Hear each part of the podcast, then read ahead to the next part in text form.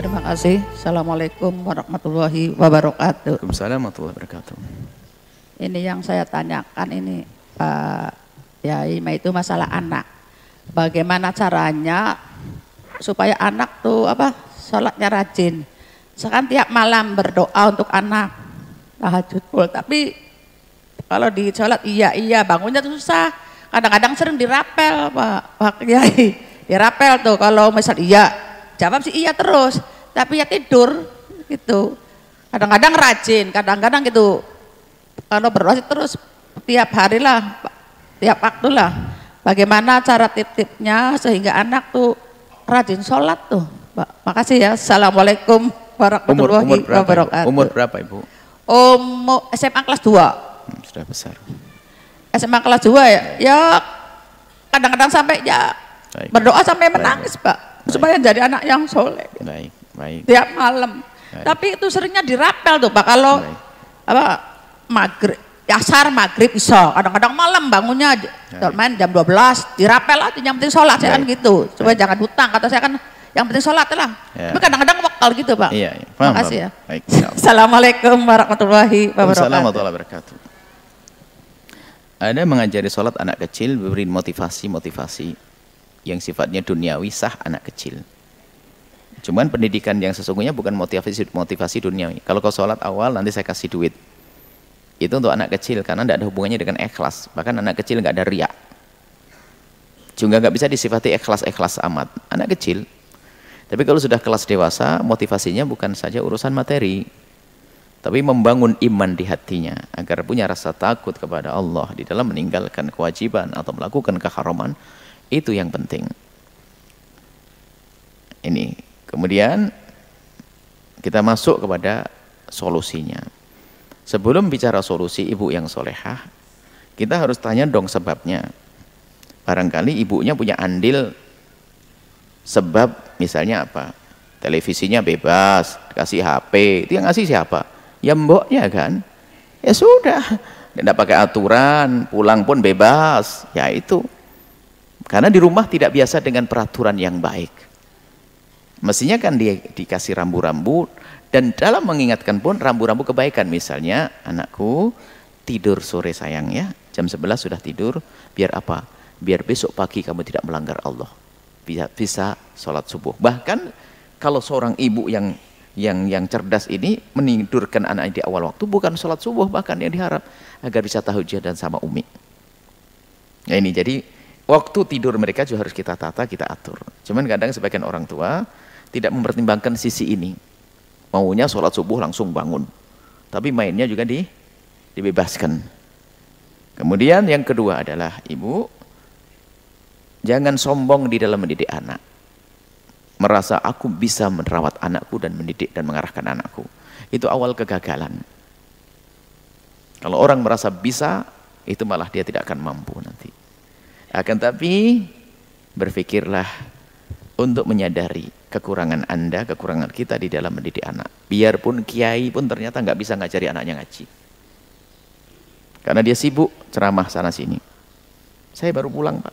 Saya baru pulang nih, belum ngapa-ngapain, belum nyent belum mandi lagi jadi pulang dari Brunei jam satu malam semalam sampai sekarang baru mobil masuk langsung ke sini eh buru-buru saya mengajari anak saya ya kan makanya saya merasa tidak mau mendidik anak-anak saya. Saya minta tolong kepada Ustadz untuk mendidik anak saya.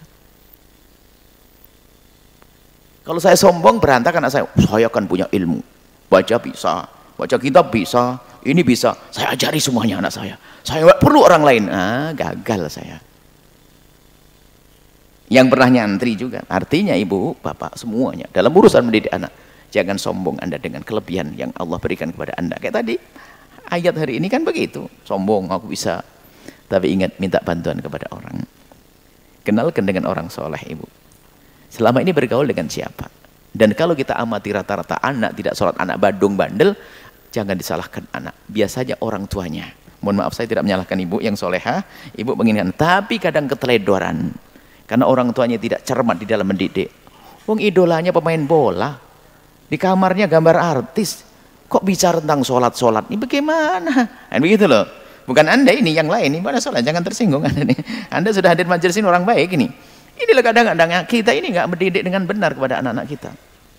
Maunya anak kita itu kayak robot, langsung sholat, sholat. Nggak pernah dididik, satu tahajud, mau tahajud. Atau orang tuanya langsung, nggak bisa. Maka di antaranya orang-orang cerdas adalah berpikir bagaimana anaknya tinggal di tempat yang di situ lingkungannya khusus. Bisa tahajudan namanya pondok pesantren. Bisa sholat dengan ini termasuk orang-orang cerdas. Karena apa dia merasa nggak mampu di rumahnya. Bagaimana mampu? Pagi ke kantor pulang sore apalagi yang sangat sibuk dengan bisnisnya apalagi dengan profesinya yang urusannya dengan orang nggak pernah ketemu anaknya. Jangan sampai nanti ternyata anaknya dikasih pembantu berarti pembantunya lebih pintar dari dia dong. Ini kan orang-orang aneh hari ini Pembantunya juga capek kasih televisi, sudah kenal Al-Bahjah, televisi masih belum televisi Al-Bahjah, ya kacau anaknya. Itu loh. Artinya di dalam mendidik jangan sok, jangan merasa mampu mendidik anak, tapi justru kita merasa bahasanya aku tidak mampu. Semampuku hanya begini, tapi aku perlu minta bantuan orang lain. Maka untuk minta bantuan kepada orang lain itu ditanamkan. Apa selanjutnya? Ajarkan kepada anak kita agar bisa hormat kepada guru lebih baik dihantarkan anak kita daripada privat. Loh, privat ini kadang-kadang orang tua juga nggak cermat. Privat ilmu agama. Ustadznya nunggu anaknya masih mandi dan main. Ini kan ngajari kurang ajar, nggak adab sama gurunya. Gimana akan dapat ilmu? Coba. Privat, privat school ngajar ngundang guru agama. Karena duitnya banyak. Saya tidak mau anak saya bergaul dengan yang lainnya. Saya pengen ngundang guru dan sebagainya. Boleh ngundang guru, tapi ajari hormat. Sebelum guru datang, kau harus sudah duduk nak ya. Dan kau cap salaman dengan yang baik, hormati dia. Begitu. Anaknya masih main. Sampai gurunya itu, karena pri, guru privatnya itu, guru, privat, guru ngajinya itu, nunggu sampai lama. Belum, belum. Terus sedikit kurang ajar. Itu gimana dapat ilmu, lihat. Perlu cermat. Katanya orang cerdas. Lah kok nggak cerdas urusan begini? Katanya waktu kuliah dulu apa kamu apa, apa IP-nya tertinggi, cerdas. Doktor ilmu pendidikan. Sampai di rumah, ilmu pendidikannya untuk ngajar orang, anaknya dikasih pembantu. Kan gitu, aneh gitu. Ilmunya tidak diberikan. Baik. Artinya di dalam mendidik anak, kita jangan merasa mampu, kita harus merasa ingin minta bantuan kepada orang. Minta pertolongan kepada orang. Tentunya minta kepada Allah tadi sudah beres, Ibu doa, doa, doa nggak kurang kan? Minta kepada orang. Tapi di saat kita minta kepada orang harus kita ajarkan anak kita agar hormat dia. Harus punya kekaguman. Siapa yang dikagumi anak? Kalau putra putri anda kagum dengan ulama tokoh, nggak usah disuruh sholat bu. Yang repot kan seneng sama hobi pemain bola. Waktu piala Eropa nggak sholat subuh beneran itu. Saat bapaknya juga bisa nggak sholat itu. Wong grup ibunya ngikut juga sama. Piala Eropa, tahu piala Eropa itu? Masih ada itu? Masih? Alhamdulillah. Saya tidak pernah tahu Piala Eropa itu. Cerita-cerita aja. Tidak tahu. Salah Piala Eropa apa lagi, Mas? Ketahuilah, inilah jadi kadang-kadang kelemahan kita mendidik itu sombong, merasa bisa, kemudian dipikir anak kita kayak robot bisa seklik mati, mau jahat nggak boleh, enggak. Dia punya hati, punya hawa nafsu, punya kebiasaan. Dan kalau sudah tidak diajari memerangi hawa nafsunya dengan cara tunduk kepada ustadz, patuh, susah. Khususnya yang punya privat. Jangan ajarkan kesombongan pada anak-anak anda. Ajari hormat kepada gurunya. Kalau kau tidak mau datang ke madrasah, nah, akan aku datangkan guru tapi dengan catatan. Lima menit sebelum guru datang kau sudah siap semuanya. Kenapa? Dia membawa ilmu. Dia membawa ilmu. Dia membawa berkah. Nah ini, kalau begitu ibu nggak usah susah, sholatnya rajin nanti. Karena punya keterikatan dengan orang-orang baik. Itu di antara ibu. Lalu bagaimana anak saya yang sudah begitu tadi? Dekatkan kepada tokoh, ulama-ulama majelis-majelis mulia, rayu, ceritakan, ceritakan, diajak berajak cerita, kunjung, pergi ke sana kemari ulama, ziarah minta doa dan sebagainya. Nanti sampai ada keterpesonaan. Secara otomatis nanti dia langsung sholat. Atau ibu masukkan ke lingkungan yang baik, pondok pesantren. Ibu kalau anak anda di pondok nggak usah ibu nyuruh sholat kan? Enggak, kalau sudah di pondok anak ibu nggak usah disuruh sholat di sini pondok. Kalau di pondok langsung sholat, tahajudan bu, nggak usah pusing ibu. Ya. Eh, jadi kalau sudah anaknya tinggal di pondok, jangankan kok sholat subuh, bu, tahajudan, baca Quran, ngafal Quran. Gak usah pusing-pusing. Gak usah dilarang nonton televisi, bu. Gak ada TV di pondok. Gak usah dilarang megang HP, larangan HP. Apalagi yang kurang, ayo. Yang anda inginkan ada semuanya. Nah, tapi anak saya nggak mau masuk pondok. Karena selama ini anda nganggap kayak robot. Jadi tamat SMP langsung mau dimasukin pondok. Dari kecil bu diajak cerita tentang pesantren, Ayo ziarah, coba nginep mabit semalam hari Ahad. Ustadz ini cerita ini, anak terpesona. Kadang orang tua nggak pernah cerita tentang pesantren, nggak pernah cerita tentang kemuliaan menuntut ilmu. Tiba-tiba waktu sama kamu mondok nak ya, mondok. Apaan mondok itu? Kamu nakal sebabnya. Lah, oh jadi tempatnya orang nakal situ. Eh ini kacau semuanya. Yang salah juga orang tua baik.